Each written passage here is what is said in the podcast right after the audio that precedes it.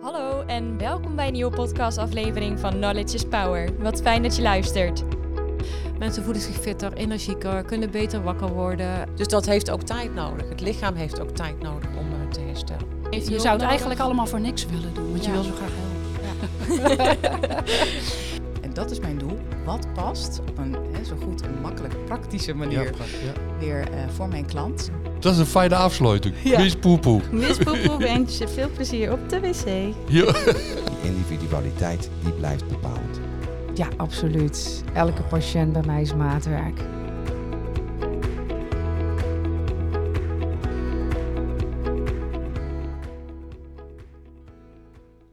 Hallo, hartelijk welkom bij een nieuwe aflevering van onze podcast eh, Knowledge is Power. Vandaag zit ik hier tegenover een collega uit Naaldwijk, eh, Hanna de Graaf van de Gezondheidspraktijk Naaldwijk. En eh, heb ik dat niet goed gezegd, Hanna? Nee, het is Ed Hanna Gezondheidspraktijk. Ik had het Ed vergeten. ik krijg er direct een, een boze blik. Dat Ed, het Ed vergeten. Het Ed, ja, en, en mijn naam natuurlijk al. Ja, ja. Hanna, Goedemorgen. Goedemorgen. Ja, nog eens morgen hier als we met elkaar spreken. Ehm, Hanna, jij bent al heel lang bezig met gezondheid. Eigenlijk van kindsbeinen aan. Eh, ben je zelf getroffen door ziekte? Ja. En ehm, nou, zo is nu in je lange leven al eh, de dikke hechting met gezondheidszorg ontstaan. En eh, je hebt het een of andere zelf uitgevonden en eh, verder ontwikkeld. En een van die punten, zo zijn wij in contact gekomen, dat je je hebt specialiseerd, of tenminste de weg vrijgemaakt voor de natuurgeneeskundige therapeut. Denk, nou, hoe ga ik met verstandelijk gehandicapte mensen om? Hoe kan ik hun helpen wel een gezonde darm, een betere spijsvertering te krijgen? Hoe pak je dat aan? En dat, daar had je ook een keer een, een, voor collega's een lezing gegeven. Ja. En daar is heel veel interesse uitgekomen, zodat ze zegt, nou, dat moeten we nog een keer in een podcast bespreken. Maar voordoen dienen we natuurlijk met dit onderwerp aan de haal gaan nu tijdens deze podcast. Zou het fijn zijn als je over je ontwikkeling hier naartoe iets wil vertellen. Ehm, ja, dat doe ik natuurlijk graag. Ehm, mijn motto is, je kan de windrichting niet veranderen, maar wel de stand van je zeilen. Oh, dat is zo een fijne... Je weet, ik ben een zeiler, dus... Ja, van mijn vader, een oude marineman. En die zei altijd, je kan eh, alle kanten wel... eh, ja, dat kan je niet bepalen, maar wel hoe je ermee omgaat. als je laveren moet, moet je laveren. Als je laveren moet, Ja. moet je laveren. Ga je niet links, dan ga je wel rechtsom. En ehm, ja, ik, had, eh, ik heb mijn leven lang al astma, veel benauwd. Ehm, dus hij zei, ja, daar heb je mee te dealen en eh, dat kan je niet veranderen. Dus ik heb ontdekt dat ik eh, al jong dat ik eh, geen astma ben. Geen astmakind ben, maar ik heb astma. En dat Ja. is echt wel een heel groot verschil in mijn persoonlijke ontwikkeling geweest. Ja, dus jezelf bent niet de ziekte. Ik ben niet de ziekte. Ja, dat is een fantastische insteek natuurlijk Ja. voor heel veel mensen. Er zijn, nou, de ziekte is wel aanwezig, maar ik zelf ben het niet. Nee, Ik moet daar wel mee, zo om bij je papa te blijven. Ja. Ik moet laveren, ik moet bijstellen, ik moet eh, dingen veranderen indien nodig. ja, af en toe even stil liggen, even toe door. En, en zo kom je vanzelf wel waar je wezen wil. Hè? Want het doel heb je altijd wel, alleen hoe je er komt. Ja. ehm, ja, dat, dat is ontdekken, pionieren, zoeken. En daar heb je heel veel van gedaan, van ontdekken en pionieren. Dat hebben, en dat, dat vind ik ook leuk. En ben- volgens mij doe je dat nog steeds, verder Ja. ontdekken en pionieren. Ik ben ontzettend nieuwsgierig naar hoe dat dan zit Ja. in het menselijk lichaam en eh, wat er dan gebeurt. En zo eh, heb ik van. ehm, ja, ik ben eigenlijk begonnen als eh, krachtsportbegeleider. Dus eerst de opleiding gedaan, tegenwoordig heet dat persoonlijk coach, persoonlijk trainer. Eh, voeding bij sport gedaan, eh, mas- sportmassage. Ik heb jarenlang les gegeven en ik heb ongeveer twintig jaar lang elke dag getraind. Ehm, daardoor voelde ik me beter. Ja. Ik was dus eh, tot twintig wel heel erg ziek. En artsen zeiden van, joh, kunnen alleen nog maar prednison geven. En toen dacht ik, ja, dat kan het nooit zijn. Ik wil gewoon verder leven. Ja, je hebt dan nog een hele leven te gaan met Ik heb 20. nog een hele leven te gaan. En dat is eh, wel fijn als het er is, maar niet als dat gewoon een, een dagelijks inname wordt. Ja. Ehm, dus toen ben ik kant van de homeopathie opgegaan en ben veel gaan sporten. En dat heeft mij eh, heel veel geholpen in het doorzetten, in meer ruimte krijgen in mezelf. En heeft me natuurlijk ook gebracht tot het feit van oké, het kan dus altijd anders. Mhm. Ben heel erg blij met regulier, maar daarnaast denk ik dat complementair heel veel kan aanvullen. En weet ik ook dat er andere dingen kunnen. Dat is zo'n, ik vind dat net zo een, een belangrijk item wat je nu aanspreekt dan wat je papa zei. Dus je moet met de, de zeilen bijstellen eh, Ja. als de wind even draait. Ehm, een combinatie van de reguliere en de complementaire of holistische zorg, hoe je dat ook doet. Namelijk beide kanten hebben absoluut belangrijke punten eh, wanneer je wat kan toepassen. Dus eh, als een prednison moet, moet dat. Dus Absoluut. ja, dat is dan zo. Dus daar heb je zelf heel veel ervaring Ja. in. Maar ja, wat doe je dan? En wat En- doe je dan? Wat doe Ja. je erbij? En om dan wel uit deze chronische medicatie weg te komen, of ze zo beperkt mogelijk te houden. Ja. En jou bent dan natuurlijk met het sporten. Tijdens het gesprek wat we eerder hadden, ehm, zei je, je hebt al dus veel gesport, eh, je hebt veel met voeding gedaan. Ehm, dat was je interesse. En daar heb je voor jezelf al heel veel baat kunnen uithalen. Ja, daar heb ik heel veel baat bij gehad. Heel veel kunnen ontdekken. Hoe zit dat nou met voeding? Ehm, merkte ook dat ik, als ik de hele week een bepaalde voeding had en één dag in de week niet, dat dat heel erg veranderde in mijn lijf. Ja, Uiteindelijk ben ik ehm, regulier eh, aan het zoeken geweest. Goh, wat, wat gebeurt er nou eigenlijk in mijn lijf? Want er gebeurt van alles, maar ik ken het niet. Mhm. En eh, toen bleek ik dus een histamine-intolerantie te hebben. Ja. En daar is goed mee te leven. Als je lekker kookt en eh, ik ken alle recepten. ja. Ik weet niet, kook jij wel eens? Hou je van koken? Ja, ik, ik kook wel eens. Ik zou het me niet een successtory vinden. ik doe mijn best. Maar bij mijn kinderen had ik vroeger altijd gezegd, vandaag is het papa speciaal. Dus eh, dat was waar die de koelkast was, heb ik maar wat voor gemaakt. Oké, maar je kent dus wel het concept koken. Ik ken het concept koken. ja. Nou ja, dat, dat is leuk. Hè? Ja. Eh, om te kijken van, goh, wat kan ik wel eten? ja, Nou ben ik opgevoed in een restaurant. Dus, Ja. eh, ik zat altijd naast mijn vader die aan het koken was. ja. Dus ik heb veel eh, goed opgeleid. Dus ik kon ook goed alternatieven bedenken. En dat gebruik ik ook in mijn praktijk. Stuur me maar een app, wat wil je eten? Ik help je er wel bij. Dus het implementeren is ook heel belangrijk. Ja, En, en dat is ook met de voeding. We beginnen altijd met de voeding. Ehm, Ja. Bijvoorbeeld als iemand een lekkende darm of, of zeker bij verstandelijk beperkte, laten we die voeding eens goed aanpakken. En dan eh, kunnen we alvast een bottensoep maken. Hè. Daar zit veel eh, glutamine in. Ja. En dat helpt alvast die darm een beetje tot rust brengen. Hoe doe je dat dan? Je spreekt net al je profession aan, waar je zegt, nou, ik Ja. heb me gespecialiseerd in het eh, omgaan eh, met verstandelijk gehandicapte patiënten en het reguleren van de darmen. Ja. Dat is natuurlijk ook heel veel, zoals je al aangeeft, leefstijlaanpassingen nodig. Hoe regel je dat dan tijdens de consulten eh, die je dan doet, de bespreking? Betrek je daar de instelling mee of de ouders mee in Ja. als het kinderen zijn? Dat is alleen maar, hè. Er wordt dus heel veel, dat, dat is ook een, eh, commu- heel veel communicatie of met de instelling Ja? of met de ouders. Dus ik vraag heel veel van de mensen eromheen. Eh dan geef ik tips hoe je het kan doen. Ik heb één meisje en haar moeder maakt altijd soep. En Oké. dat wordt in zakken gedaan in de instelling en dan in de diepvries. Oké. Dus dan neemt het niet zoveel plek in. En die krijgt elke dag een kom soep. Oké. Hè, dus dat is wel fijn dat dat op die manier gegeven wordt. En, en het meisje waar ik mee begonnen ben, Mhm. daar praat ik dan nu over. En die instelling, eh, daar ging het heel slecht mee. En we hebben darmtherapie. Met die instelling of met dat meisje? Nee, met het meisje. Oké. Nee, met het meisje. Ja. En eh, een verzorgster vroeg, eh, zou jij nog iets kunnen doen? Die was met de moeder in gesprek en die kende mij met de darmtherapie. En toen zei ik, nou, we kunnen altijd kijken. Dus we zijn begonnen met de darmscreening. Even een brede screening om te kijken wat gebeurt er. Dus je hebt wel duidelijk eh, naar diverse waarden in de ontlasting gezocht. Ja.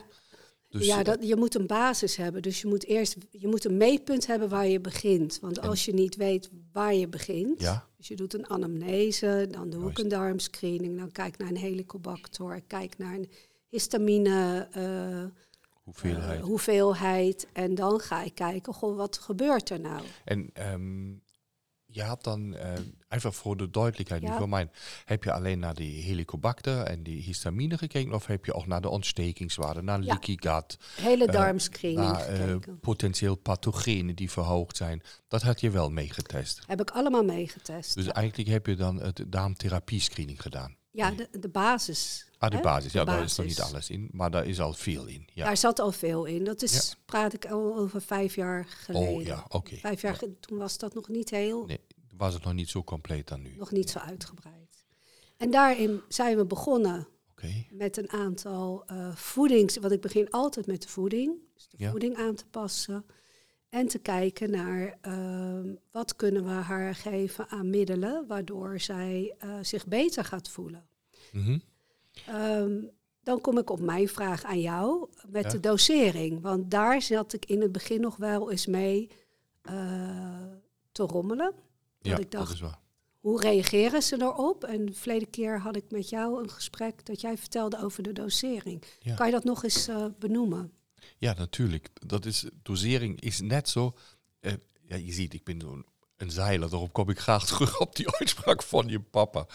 Ehm, de dosering is net natuurlijk ook aan te passen en dynamisch aan te passen. Ehm, zoals je ook uit je ervaring weet, is geen, ja, geen patiënt is, of geen cliënt is dezelfde. En zeker niet als je hier over eh verstandelijk beperkingen spreekt, gehandicapte mensen. Als we dat überhaupt nog mogen zeggen, hè? beperking, Verstandelijk beperkt. beperkte. En ehm, daar moeten we natuurlijk die dingen ook overdragen aan het begeleidende, de begeleidende mensen. Dus of dat in een instelling is, of dan wel bij de ouders, eh zorgers, verplegers. En ehm, die dosering is hier mijn inziens naar, dat eh, mogen anderen een andere mening worden, maar in kleine hoeveelheden te pakken. Zodat je echt een minuscule eh, inzet maakt, also in kleine stapjes die doseringen aanpassen. Bijvoorbeeld als je met die oligos werkt, die, ehm, die combinatie van planten- en sporenelementen, dan begin je maar met 1 milliliter. Dat is heel simpel te doen. Ehm, dan neem je gewoon een spuitje en nou, dat kan je precies zien, 1 Oh ja. milliliter. Ja. Ja, dus, en dan begin je eerst maar daarmee. Nou, dan zet je het in om ehm, de extracellulaire matrix weer vrij te krijgen. Dus die Pischinger-ruimte, wat natuurlijk moet. Nou, dat geldt niet alleen voor verstandelijk gehandicapten natuurlijk. Ehm, dat geldt voor veel eh, Ik noem het mensen. altijd het doucheputje eerst schoonmaken voordat je de badkamer schoonmaakt. Dat is weer zo. Je, je hebt een heel mooie uitdrukkingen. Ja, ik ben heel erg van de metaforen, Ja. maar dat werkt ook het makkelijkst, weet je? Ja, dat doucheputje. Ja, op dat doucheputje moet eerst Ja. schoon. dus op dat doucheputje, dat, daar pak je bijvoorbeeld de Urtica en de Tsunara. En dan begin je, eh, dat zijn planten, hè, dat zijn de kruiden. En dan begin je dan met 1 milliliter. En dan help je het lichaam dat hij zich beter kan.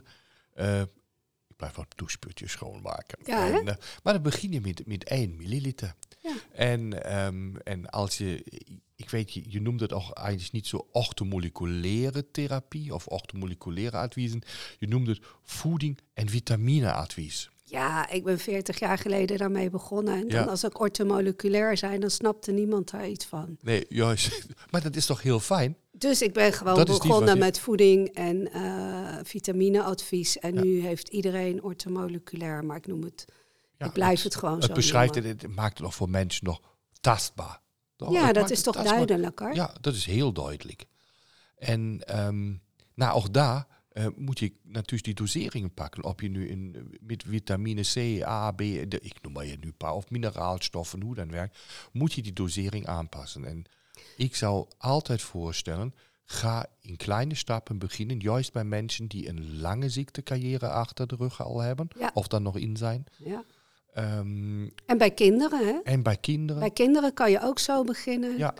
En, en het, e- het enige is dat met mensen die dus niet. ehm, ja, ik heb dan toevallig twee kinderen die, of een aantal kinderen die niet kunnen eh, communiceren zelf. Die Ja. communiceren wel met hun lichaam. Want ik doe ook eh voetreflexbehandelingen, geef ik. Oké, Dus ik kan met hun op een andere manier communiceren. Je noemt het verstandelijk beperkt, maar het is natuurlijk eh, het hele mensbeeld, het sociale, het, het, wat ze aangeven, hoe ze Ja. met mij, hoe ze naar me kijken, hoe ze communiceren, hoe ze eruit zien, hun gezicht, eh, de kleur, eh, hoe reageren ze. Dat is natuurlijk wel, ehm, ja, geeft alle communicatie eigenlijk weer, waar ik heel veel mee kan. Dus dat is vooral heel goed kijken van, goh, wie ben jij nou? En als ik je voeten eh, masseer en wat wil je? En waar doet het zeer? Hè? Dat kan ik op Ja. voeten voelen. ja. En dan kan ik het weer even als, als niet als een diagnostiek, maar wel meenemen. Dus in de anamnese, in de darmte. Ik maak een heel holistisch beeld. En dan ga ik stap voor stap kijken, wat gebeurt er nou? En toevallig dat meisje waar ik het eerste over had, die had twee zakjes. Want dat doen Wat ze de twee zakjes? twee zakjes eh, om te ontlasten. Ja, oké. Dat wordt standaard gedaan in een instelling, eigenlijk van een huisarts ook. Omdat het laatste wat je wil is obstipatie. Ja. Dus dat is heel logisch. Ehm, tegen haar werd gezegd dat ze nooit zonder zakjes kon. En eh, inmiddels is ze al drie jaar zonder zakjes met de darmtherapie. En hoe heb je daar, wat was je grootste doorbraak om dat te bereiken? Ja, Of het, het, het is geleidelijk Ja. gegaan. Het is het totaal. Het is en de voetreflex en eh, kijken, eh, de instelling eh, is gaan koken. Dus anders gaan eten geven. Ja, Ehm, mensen letten meer op als ze weten wat er aan de hand is. ja. Dus dat is, die geven mij, gaven mij elke keer door. Hè? Mhm, Dus, mhm. dus de Bristol Stool Charts kon ik het heel goed mee zien. Ja, Welke ontlasting ze had. daar had je direct een respons van. Oh ja. Ja, ik had van de instelling respons, van de moeder respons. Mhm. En zo werk je stap voor stap. Maar het is een lange adem hebben. Het is heel veel informatie vragen. En ehm, ja, daar, daar ben ik mee bezig om dat te ontwikkelen. En als je die informatie vraagt, dat is, ik denk ook als collega's luisteren, die zeggen, ja, hoe communiceer je dan met die instelling? Wat ik vaker hoor is, eh, ja, ik krijg geen contact met een instelling of eh, met een behandelende arts om die te, te delen. Eh, hoe ga jij daarmee om? Nou, per e-mail. En de moeder die vraagt dan ook elke keer, willen jullie Hanna ook meenemen in de dagrapport of in de e-mails of Dat. Maar je moet je voorstellen, ik heb ook kinderen die thuis wonen. ja, En dat is heel moeilijk voor die ouders, want die moeten al zoveel documenteren. Dus ik ben nu in iets aan het ontwikkelen waardoor ze makkelijker met mij kunnen communiceren. Mhm. Dus net zoiets als de Bristol Stool Charts, maar dat ze in ieder geval in een korte bewoording kunnen doorgeven wat er gebeurt. Want hoe meer informatie ik heb, ehm, hoe beter kan je de silent stellen? ja, en, en gelijk. Weet je, als iemand Ja. één keer in de zes weken komt, heb ik daar niet zoveel aan. Juist, absoluut. Heb ik bij niemand, doe ik bij geen één cliënt. Nee. Ik zeg appen, Mhm. als je wat voelt, appen, want dan kan ik gelijk anticiperen. Ja. Want over zes weken, ja. ja, daar heb ik, heb ik niet zoveel aan. Ja, dat is juist wat we ook vaak in, in, in de cursussen doorgeven voor onze collega's. Zijn, blijf, stay in contact met je patiënt. Dus en laat het niet, eh, ik zie je in vier, vijf weken terug en dan kijken we hoe het is geweest. En tevoren al een hele suppletielijst van hier tot met hinder eh, opstellen. Ga in die ontwikkelingsproces anticiperen. Dus ja, ik blijf bij die metafoor. Stel altijd de zeilen bij. Ja. Andere collega's noemen dan jongleer met die therapie. Ja. En dat vind ik heel slim. Het is een individu waar we op moeten inspelen. Ja, en het helpt mij ook. Na vijf weken ben ik het alweer vergeten. Of de cliënt is het alweer vergeten. Ja. En dan, ja, dan denk je, ja, waarom is dat nou misgegaan? En dan moet je zoveel nadenken. En nu schrijf je het op en dan denk je, oh ja, dit was jouw dossier. En Mhm. Dus dat heb ik eh, op deze manier gedaan. We hebben voor één cliëntje hebben we nu een, eh, hebben we een kaart ontwikkeld. Waarin, Een kaart ontwikkeld? Ja, waar ook voor de eh, opvang. Oké. eh, die zit op een dagopvang. Mhm. Hè, dat is een soort ja, kleut, ja, kleuterschool of crash of, of school. Ja. Meisjes zeven. En zodat hun ook kunnen communiceren met de moeder. Dus we hebben, wanneer voelt ze zich goed? Mhm. We hebben een, eh, daar hebben we geloof ik roze voor. We hebben geel, wat gebeurt er nu? Ja. En we hebben oranje van dit gaat niet goed. En we hebben rood, eh, nu zo handelen. En daar hebben we van alles op staan. Dus die komt binnenkort uit eh, in mijn praktijk. En dan eh, hebben we net de Yveske-kaart, eh, heb ik het genoemd, omdat het over... ik mag Yveske. haar naam noemen, Yveske. Ja.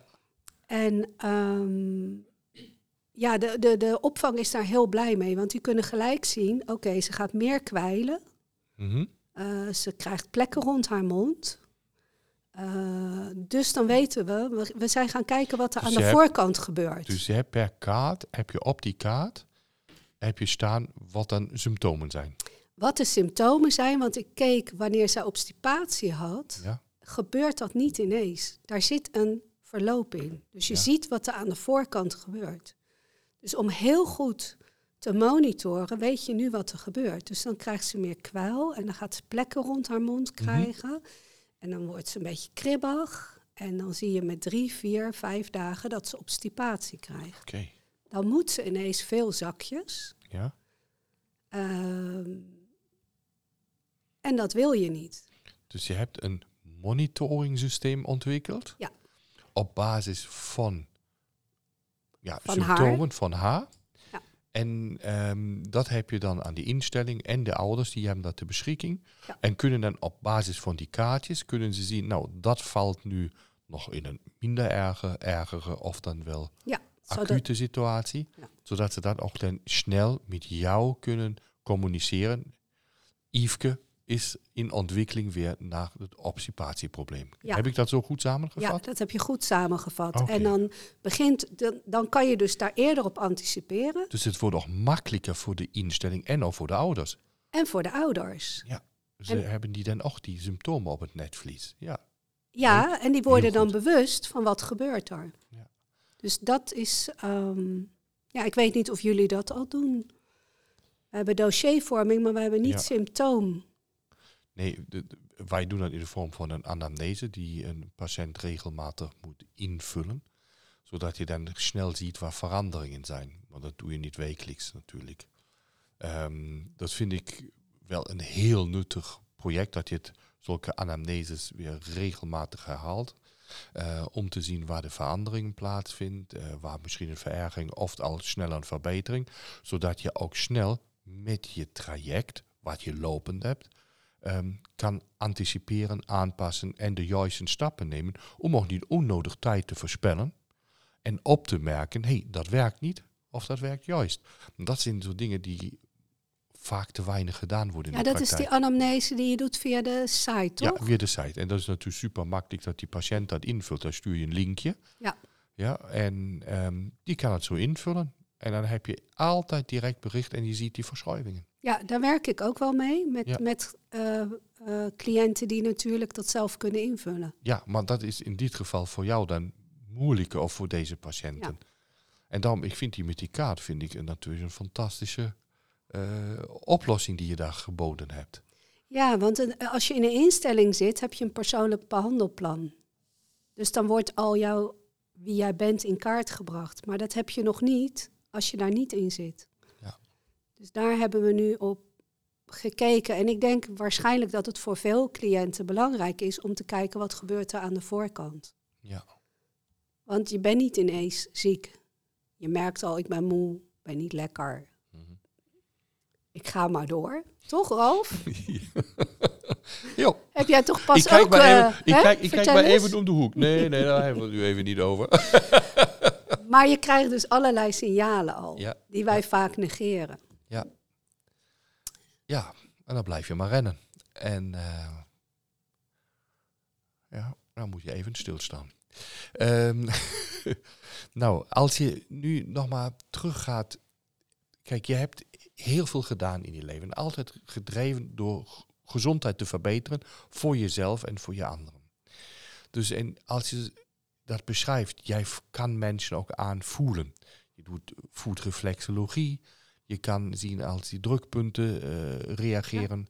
Ehm, je zegt, je hebt nog heel veel massages gedaan. Je hebt, je hebt duizenden. Duizenden. Ja. Ja, duizenden. Dus, en dat merk je ook aan de vorm van waar die verspanning zit of die hoge spanning, kan je ook dingen herleiden. Ja. Dus dat is natuurlijk een voordeel wat veel collega's niet hebben. Dus je hebt al dit hele voortraject, heb je dat al eh, meegenomen, dat je mensen makkelijker kan lezen en ook eh, aanwijzingen vinden. Wat zijn zo voor jou zo hoofdaanwijzingen, behalve nu de defecatie of dan de ontlastingsgedrag is anders. Daar zit wat in die darm niet lekker. Ja, je kan het met massage merken in de nek en de rug. Ja. Als dat veel vast zit, merk je ook dat het vaak niet lekker zit. En heb je daar bepaalde plekken in de nek of aan de... Ja, ik, ik voel het. Ik, weet, ik kan het niet helemaal. Ja, het is hard. Het is eh, weinig doorlaatbaar. De huid is stug. Eh. Je merkt dat mensen ontgiften moeten als ze veel. Dan zit er onder de huid een bepaalde dikte. Mhm, Dat je denkt dat dat, dat gaat niet lekker. Wat is daar aan de hand? ja. Dan vaak zit het, vraag ik, zit er, heb je last van je darmen? Nou, dan, dan zit daar wel iets. Ehm, waar kan je nog meer aan zien? Mensen zitten niet lekker in hun vel, depressiefachtig. Oké. Ja. Ehm, kunnen niet goed naar buiten treden. Zitten heel erg in zichzelf, mhm. in hun binnenwereld. Ja, dat is natuurlijk, daarom heeft het natuurlijk ja, een absolute invloed op de neurotransmitters, op het hormoonsysteem. Ja, en, dat is en dat natuurlijk- is natuurlijk wat ik nu ontdekt heb. Want ik ben al jaren bezig met eh, allerlei therapieën. Mhm. Totdat ik bij deze eh, cliënten kwam die verstandelijk beperkt zijn en Mhm. waar het ook werkt. En Ja. die meer communicatie hebben naar buiten toe. Dus, die ineens gaan reageren. dus je ziet daadwerkelijk direct een veel betere Communicatie. communicatie naar buiten. Helemaal naar buiten. Dat ze ineens bewust worden van hun buitenwereld. En het mooie vind ik dat het bij hun geen placebo-effect is. Want ze weten het niet. Wat is, kan je de luisteraars even vertellen, wat heb je gemerkt als dan de eh cliënten naar buiten getreden is? Wat, wat is daar zo bijzonder opvallend geweest? Ik denk dat is, dat is leuk en ook spannend te horen. Ehm, communicatie. Dus dat. ehm, nou, bij Yveske hebben we het heel duidelijk op film staan, bijvoorbeeld. Zij zag, was altijd met beesten, zij zag de konijnen. Mhm. En we zien dus dat ze ineens het konijn ziet. Dus ze, je ziet ineens dat ze het konijn werkelijk ziet. En voordien was dat aan Ja, ze, ze wiebelt een beetje met haar handen en ze zat om zich heen te kijken en ze aaide het wel. Maar nu zag je echt van, oh, dit is een konijn. Dus een echte waarneming, bewustwording daarvan. Een bewustwording. Ja, en communicatie naar buiten toe, naar de zus, Ja. naar de ouders. Veel meer aankijken. Veel meer eh, reactie als ze op de opvang komt. Gaat ze naar haar... eh, ze heeft een rolstoel waar Ja. ze in kan rijden zelf. Dus ze kan nu van de ene plek naar de andere plek. Dan gaat ze iedereen begroeten. Legt... Dat ging voordien niet. Nee, God, Nee. dat is fantastisch. En hoe lang heb je nodig gehad om dat met deze twee cliënt... jaar. Dus de lange adem. Nou, heel lang, langzaam opbouwen. Ja. Omdat ze ook, ze heeft nog steeds, eh, eh, we zijn nog steeds aan het zoeken hoe we daar ehm, eh, nog meer in de therapie kunnen opbouwen. Maar we hebben gewoon gezegd van nu tot 18 jaar willen we daar op de rails hebben. En dan wordt ze ziek en dan heeft ze corona en dan moeten we weer een stap terug en weer een stap vooruit. En dat Ja. hebben we met de andere kinderen ook. En soms haken ouders ook af omdat het te lastig wordt. Ja, dat is inzet nodig. En juist, het is niet één pilletje wat je moet innemen of één maatregel. Dat wordt ja vaak gevraagd. Dat hoor ik dan bij mijn oor in de praktijk. Nou, je, dan hebt dat, Ja. heb je daar een pilletje voor? Zeg je, nee. Nee. Het pilletje zit in jou in. Dus En de ouders zijn natuurlijk al vaak heel moe. Hè? Die moeten Ach zoveel papieren invullen. Die hebben zoveel aan hun hoofd. Dus het, is, het wordt een beetje mijn taak en missie om daar zo makkelijk... eh, ja, om dingen te ontwikkelen waardoor hun makkelijker kunnen communiceren. Maar je ziet echt dat de kinderen vooruit gaan. Het andere meisje ook, die had gewoon geen pukkels meer in de gezicht, communiceert beter. Als ze nu pijn heeft, huilt ze, weten ze ook waarom. Mhm. En daarvoor huilde ze constant. Dus het is, er, er zit echt zoveel verbetering in. Het is zo fijn. Dus het gaat wel dan altijd gepaard om die te bereiken met een eh, grondige anamnese, nou, zover die ten Ja. mogelijk is. Het gaat met eh, adviezen die je met de instelling en die ouders bespreekt. Ja. Maar vooral baseer je ook je besluitvorming eh, naast je hoge ervaren waarneming die je hebt Mhm. natuurlijk, die door al die eh, cliënten gezien te hebben in je leven. Ehm, ook op basis van diagnostiek, is dat juist? Ja, Je dat meet klopt. altijd uitgebreid om een status quo te hebben waar je kan het best aanzetten. Is Waar dat je het best kan meten, ja. Waar waar je het best kan inzetten. En, Inzetten. en boerenverstand. wat, wat is nu een boer? Ik ken een boerenverstand, maar wat... eh, Ken je dat ook in Duits? Ja. Boerenverstand, hoe heet ja, maar dat? ik weet helemaal niet hoe dat in het Duits is. Maar eh, zie ik leef te lang in Nederland. het woord boerenverstand ken ik. Ja. Boerenverstand. Kijk naar de praktische dingen. Als je een kind veel zakjes geeft, hè, moet je zelf dat eens innemen. Krijg je ook pijn in je darmen.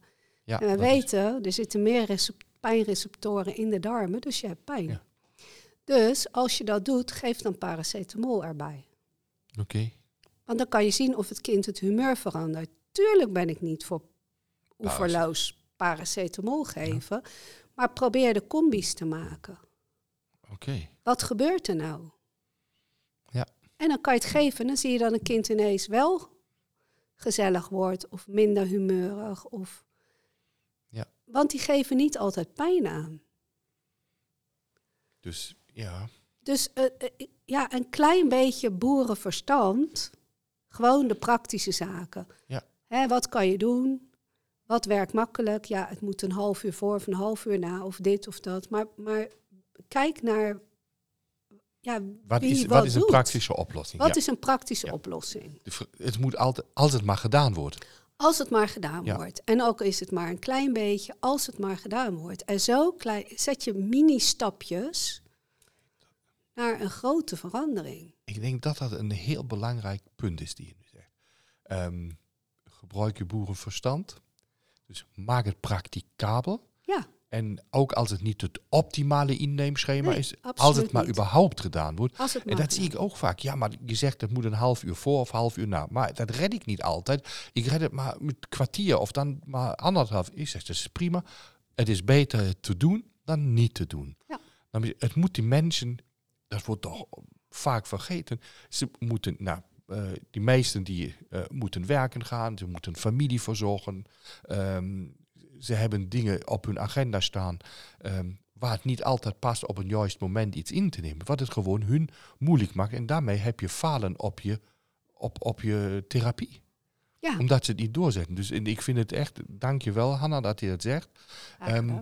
Ga het hier passend maken voor die patiënt. En zie je toch niet altijd te streng. Ehm, maar dat het maar gedaan wordt. Ja, en dan doen we er langer over. Dan Ja, is het geen vier. Kijk, ik doe altijd, eh, we hebben vier fases.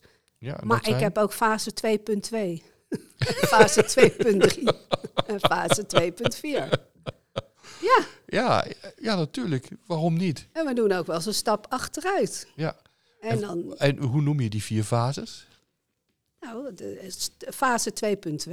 Nee, ja. Oh, de vier fases, ja, de vier fases Wat doe je dan in die eh, vier fases?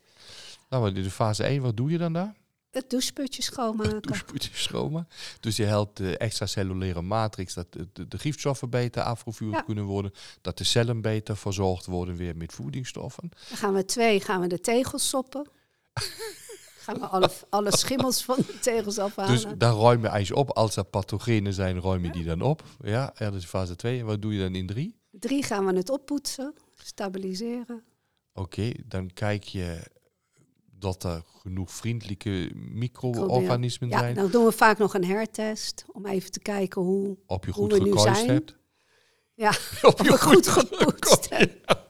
Zijn de hoeken ook schoongemaakt? Zijn de hoekjes ook Ja, schoon? dus Zit er je geen, geen roze schimmel meer, hè? Ja, ja, Want die hebben we ook in de darm. Ja. Dus je kijkt er echt, zijn mogelijke pathogenen of niet-wenselijke micro-organismen zijn die weg. Ja. Dat hertest je. Dus dan ga je dan met probiotica daarna aan de slag. En dan? Nou, dan kijken we of het stabiliseert. En dat kan wel een tijd duren. Ja. En dan kijk ik of we naar vier moeten of niet. En wat is dan vier voor jou? Vier is stabilisatie. Om Ja. te kijken van gaat het goed. Ja, dan kijken we natuurlijk ook naar de, Laat maar eens kijken. Een tijdje hoe dat gaat. vooral naar de immuniteit, slijmvliesimmuniteit, naar de neurotransmitters. Dus ja, dan, ik, ik grijp daar nog maar even terug aan. aan.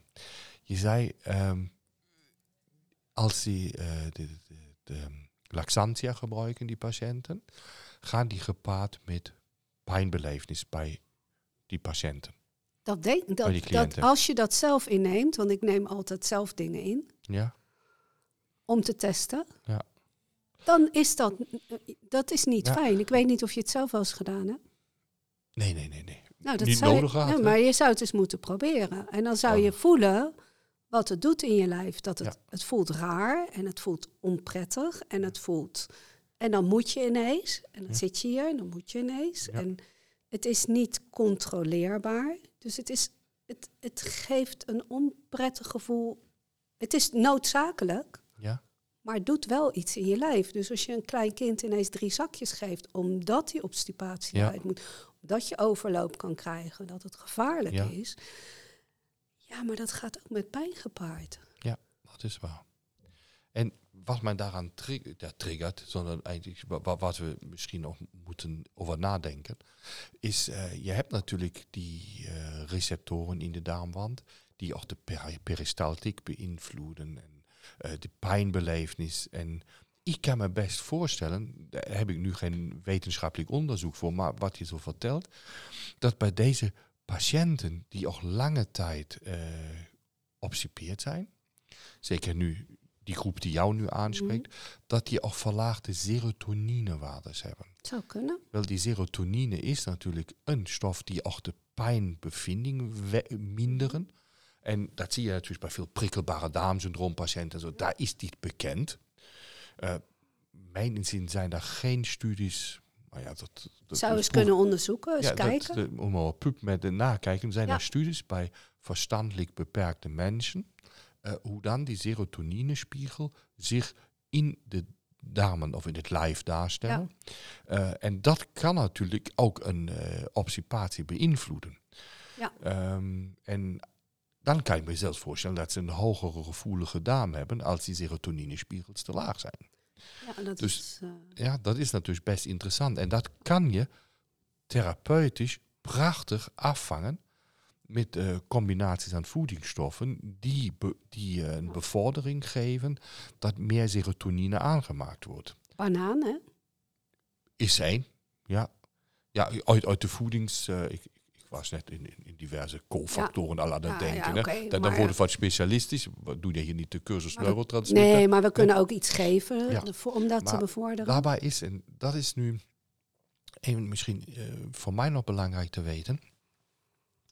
Ehm, dat gaat meestal mis als een darmontsteking voorheerst. Dus als we een verhoogde ontstekingswaarde in je darm vinden, een calprotectine, een Ja. PMN-elastase of eh, een alpha-1 of een zonulin, dat zijn natuurlijk die leaky gut markers, maar uiteindelijk ook ontstekingsverbonden. eh, of een eh, eosinofiele proteïne X, nou, also het EPX. Dat zijn alles ontstekingsmarkers. En als die verhoogd zijn in je ontlasting, betekent dat letterlijk en figuurlijk, nou ja, dat die patiënt in de fik staat. Dus Ja. je hebt een darmontsteking gaande. Niet alleen als een alpha, een, een, een, een, een calprotectine verhoogd. Er zijn natuurlijk meerdere markers die dit kunnen aantonen. En niet als één niet positief is, betekent dat nog lang niet dat er niet een ontsteking speelt. Daarom ehm, is het mijn inzien van belang ook het hele ontstekingsbeeld Absoluut. af te ja. beelden en te diagnosticeren. Dus een calprotectine, ik haal dat even nog maar, een PMN-elastase, een EPX die we moeten weten, liefst nog lysozyme ehm, en eh, sowieso alpha-1 antitrypsin en zonuline. Nou, als je zulke patiënten hebt, is dat mijn inziens no- nodig echt af te beelden. Omdat als die hoog zijn, ben je rovenaar op je serotonine. Ja. Dus die serotonine gaat wegzakken. Dat gaat dan in die kinurenine-serie in. Dus eigenlijk een ontstekingsremmend proces. En, maar daarmee kom je depleet, dat is dus verlaag je je serotonine. Ja, Dus het ontstekingsbeeld in de darmen compleet af te beelden bij patiënten. ja is absoluut belangrijk Ja, natuurlijk. En als je nu kijkt naar jouw patiënten, dus patiënten, nou, nou dat is weer, luisteraars, dat is weer mijn grammatica, mijn Duits-Nederlands. Ehm, zie je daar ook van meer de ontstekingsbeelden terug? Ja, en gram-negatieve bacteriën. Oh, ook. en die gram-negatieven, die zie je ook versterkt toenemen. Nou, en die hebben weer een negatieve invloed op je op je neurotransmitters. neurotransmitters. Dus dan zou je in plaats, daar, daar zou je dan in kunnen. Het is wel een hele goede tip, Ralf. Dus daar zou ik dan eh, en dan inderdaad moet, veel meer in kunnen gaan zoeken. Van goh, dan zou ik. eh, ik heb wel een aantal dingen in mijn hoofd die ik dan zou kunnen gaan inzetten. En, ja. en zo'n serotonine, dat kan je dus prima met een urinetest ook Ja. na, eh, testen. En eh, dan ook afzetten tegen die andere neurotransmitters. Dat lijkt me denk ik hier bij deze patiëntengroep die je aanspreekt, dus met eh, verstandelijke beperkingen, lijkt me dat toch best handig. Ja. En zelf als je nu aangeeft, Ja, ze, worden helderder, gesprek. ze, ze, ze nemen deel, ze nemen waar. Ze nemen deel. Ze, je ziet bewustwording. Je ziet bewustwording. En dan zie je dat wat we altijd leren in die diverse cursussen. De darm-hersenas, de werking op darm en neurotransmitter, darm en eh, hormoonsysteem. is natuurlijk aan elkaar gelinkt. Ja. Of we nu rechtsom of linksom gaan, dat is aan elkaar gelinkt. Dus dat zou nog een, een, denk ik, een prima aanvulling En een vetzurenbalans, En de vetzurenbalans, ja. ook heel belangrijk. Dus hoe is de verdeling van de vetzuren in de darm? Iedereen gaat natuurlijk op de boterzuur af. Maar ik zie natuurlijk bij heel veel patiënten, cliënten, zie ik Azijnzuur. ja, azijnzuur heel, Heel hoog staan. Ja, en dat, dat etst natuurlijk in de darm. Dus en dan weet je, die, die darm is eigenlijk in een vechtmodus. Probeert af te weren, probeert eh, iets wat niet in orde is, in orde te maken. En dan is een vraag, moet ik dan iets doen om de zuren nog op dit moment te verbeteren? Dat dat uiteindelijk in balans moet staan, ook al als een paal boven water. Maar dan is die vraag, wanneer doe je wat? En ja, je hebt gezegd, nou, ik heb fase 1, Ja. je hebt fase 2, fase 3, fase 4. Fase 2.2. Fase 2.2. Wat is 2.2 bij jou? 2.2, nou ja, en fase 2 is natuurlijk veel. Daar, als je dat allemaal zou inzetten, wat je zou willen inzetten, Ja. dat doe ik gewoon over een lange tijd. Oké, je splitst die uit. Ik splits hem helemaal uit. Dus dan bij, ga ik kijken wat, wat, wat is nu dienend, hè? wat is, het- wat is Ja. het beste om te doen. Ehm, Dus als je kijkt naar wat is nu wat is nodig. nu nodig? Ja. En dat ga ik geven. En dan ga ik elke keer kijken, wat, hoe gaat het? Soms doe ik nog een test tussendoor, een hertest. En dan geef ik eh, eh, wel het hele spectrum wat ik wil geven, alleen gefaseerd. En dat doe je op basis van diagnostiek. En dat doe ik op basis van diagnostiek. Nou, En dan vaak de Sinara blij. Nou ja, je mag het is, is een kruid. Dat Is is, een eh, kruid. is een artichok. Ja. Artichok blijf ik langer geven. ja. Daar Ja, zie je de gewoon lever sterk te ja, houden. Hè? om die ja. lever maar eh, goed eh, te ondersteunen. ja. En dan, dan duurt dat gewoon. al. Het kan wel soms een half jaar duren met, met zo'n kind of mens. Maar dat is toch niet erg? Je ma- Maar je dat is niet erg. Ja. Nee, maar dat, we krijgen natuurlijk, we leren ander. Hè, eh, wat jij ook wel zegt, we hebben geen protocol. Je kan gewoon op je gemak elke keer kijken, wat gebeurt er nu? Ja. En daar coach je ook de ouders, coach ik, en met de voeding. En dat gaat niet in één dag. Ja. Je kan wel iets geven, maar het moet ook geïmplementeerd worden. Ja. Iemand die heel veel aan zijn hoofd heeft en niet weet hoe ze bottensoep maken of dingen, dat, dat duurt. En soms ga ik, naar, ga ik het voordoen en ga ik het vertellen. Of maak een filmpje of ik nodig ze uit en dan ga ik Ga- koken, ga, die- ik laten zien. Goh. Ga je kookworkshop doen? Die heb ik ook. Wat voedt jou? Ja, over Echt? voeden en vullen. Ja. Dat wist ik niet. Nee, maar ik, ik heb hem een aantal jaar geleden ontwikkeld en ik, ehm, met de corona ging het sowieso niet. Ja. Dus dit jaar wil ik hem wel weer opstarten en kijken wat voedt jou nou echt. Nou, dan zou ik toch maar aan de luisteraar zeggen: volg eh Hanna de Graaf eh, op de social media. Veel gedaan, ja. Ja, dat, dat is toch praktische tips meegeven. ja. Hoe kan je het integreren in je leven? Nou, daar gaat het om. Hè? Vaak komen mensen ook bij mij van een diëtist of hoe moet ik dit nu doen? Ja. toen ik eh één cliënt had en, en die, eh, ook in een instelling met een histamine-intolerantie, dan heb je ofwel of niet. Dus dan krijg je, hè, die, die kunnen niet verzinnen. Ja. Of, en die kreeg als, als snack een rijstwafel. Dat vond ik toch zo sneu. ja, Dat wordt nog best eh, Ja, saai. Nou ja, vooral eh, dat je ziet dat mensen vaak heel erg eh, gefixeerd zijn op eten. Ja. En het eetpatroon is nu heel anders. Want er kan met een histamine-intolerantie gewoon heel veel. Daar is een Ik ben goed aan de maat, hè? dat zie je. Is alles prima zoals het daar zit. Nee, maar, dat, ja, kijk, dat laat ook zien dat je je goed vo- voedt en niet vult. Nee, je moet voeden. Ja, Als je, je- moet voeden. Want als je, en, en daar ga ik ook altijd van uit, als je je vult, Ja. dan krijg je cravings. Want een lichaam die zoekt naar iets zoet, zout, zuur, suiker. Ja. Dus als je voedt, dan voed je eigenlijk je hele systeem. Dan geef je eigenlijk die anderhalf kilo eh, darmbacteriën, hè? je kleine voeding. beestjes, geef je eten. Ja. Innerlijke beestjes eten. En dan heb je dat niet. Nee, en die kunnen dan weer de juiste vetzuren in de juiste hoeveelheid produceren. Ja. Dat heeft weer goede invloed op je darmwand, op je neurotransmitters, Ja. op je hormonen. En dan wordt het weer rond. Dat betekent niet alleen eh, dat je met een prebiotica of prebiotische voeding alles goed kan doen. Je moet eerst maar de fase 1, 2, 3 en 4 goed Ja. krijgen. En, en ik, ik- met die voeding was ik zo blij dat Rineke Dijkinga toen een jaar of elf geleden die boeken had geschreven. En eh, dus ik gaf die boeken aan de mensen. Hier, je hebt dat boek en ga dat maar doen. En dan zei hij, ja, maar nu weten we het nog niet. Dus vandaar dat ik die workshop heb ontwikkeld. Ja, kijk, ik kan me voorstellen voor mensen die niet de gedrevenheid hebben. En jou had dan natuurlijk wat koken nog nog een, een vader als voorbeeld. Hoe, Ja. Welke mogelijkheden bestaan daar überhaupt? Dat hebben niet veel mensen. Dus jij mag op heel veel ervaring mag je teren. Eh, en kan mensen daarmee ook eh, wijzer maken hoe ze wel dingen kunnen doen. Ja, want het gaat erom, hoe kan, je- hoe kan je nou wel? Want dan zeggen ze, ja, ik kan heel veel niet eten. Maar ik denk dat we heel veel wel kunnen eten. Ja, toen ik 30 jaar geleden dit had, had ik een reformzaak met een.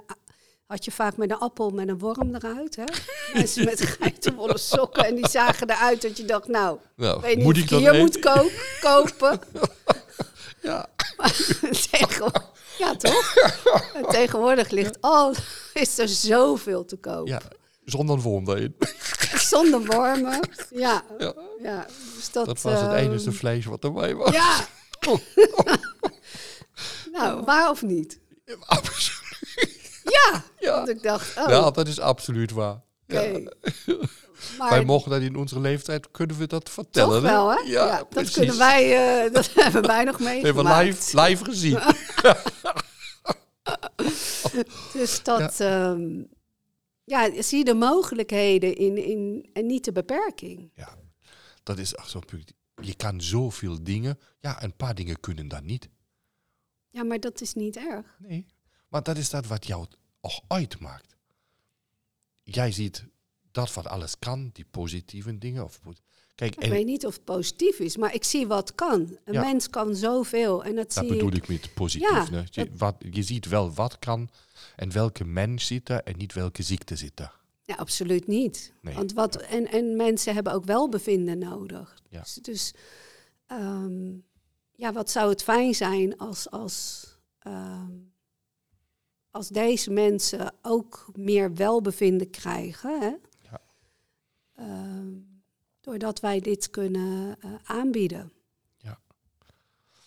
Die, ehm, ik wil nog richting afsluiting nog maar gaan. Maar ik wil nog eh, eh, een keer terug. Ach, terug, daar zijn we eigenlijk de hele tijd mee bezig natuurlijk. Ehm, wat, wat zou je aan collega's willen meegeven? En als echt belangrijke dingen als het gaat eh, bij het werken met eh, verstandelijk eh, gehandicapte personen. Beperkte personen, sorry dat ik dat verkeerd zeg. Ehm, Mensen met mogelijkheden. ja, maar dat is ook een mooie. Wat, hoe, wat zou je in ieder geval, we hebben al geleerd, sowieso diagnostiek. Goed luisteren, Goede anamnese, goed kijken. ja. alles inzetten wat je hebt. Dus ook als je acupunctuur doet, ook als je letten op waar zit de meridiaanverstoring. Of Mhm. zet alle complementaire therapie in wat je hebt. Zorg in ieder geval dat, het, ehm, dat ze niet meer aanstaan. Zorg voor rust in het systeem. Hoe doe je dat bijvoorbeeld dan? Bij, bij deze personen? Eh, nou, n- ben ik ook met de soep begonnen bijvoorbeeld, door te Hm. voeden en niet te vullen. Oké. Dus kijken van, goh, wat eet jij? Hè, eh, roomboter op je brood. Mhm. Ehm, gewoon een goede voeding, waardoor ze ehm, goed genoeg naar binnen krijgen. Eh, muziek, En rust daarin. Eh, had je de mensen om zich heen bewust Heb je worden. net muziek gezegd? Muziek ook. En welke muziek? Rustige muziek waar ze blij van worden. Oké. Dat werkt heel erg op, op het systeem, hè, Ja. voor rust, rust te krijgen. Dat vind ik een, een fijne tip natuurlijk nu. Kijk, dat is niet Dat is ook eh, bewezen. Hè? Ja. En, geef, en geef aandacht. Praat niet over de Die cliënt. Ja. Praat met de cliënt. Want ze vertellen zoveel.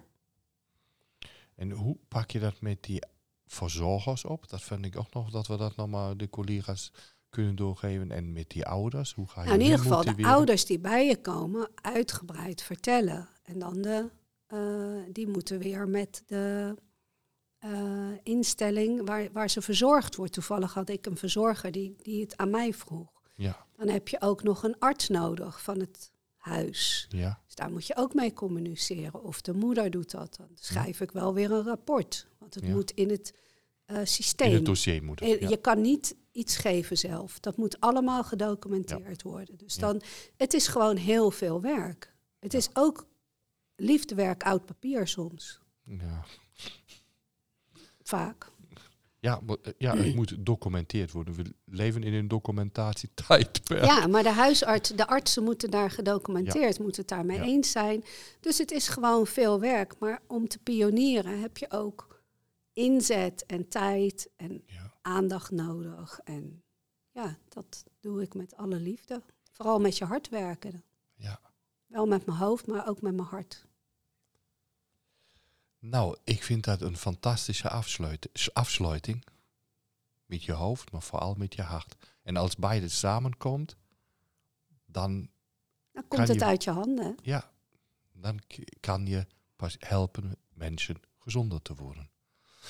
Nou, Hanna. En eh, de gezondheid is meer dan de afwezigheid van ziekte, toch Ralf? Ja, dat, volgens mij heb ik dat ooit een keer gezegd en dat blijf ik bij je.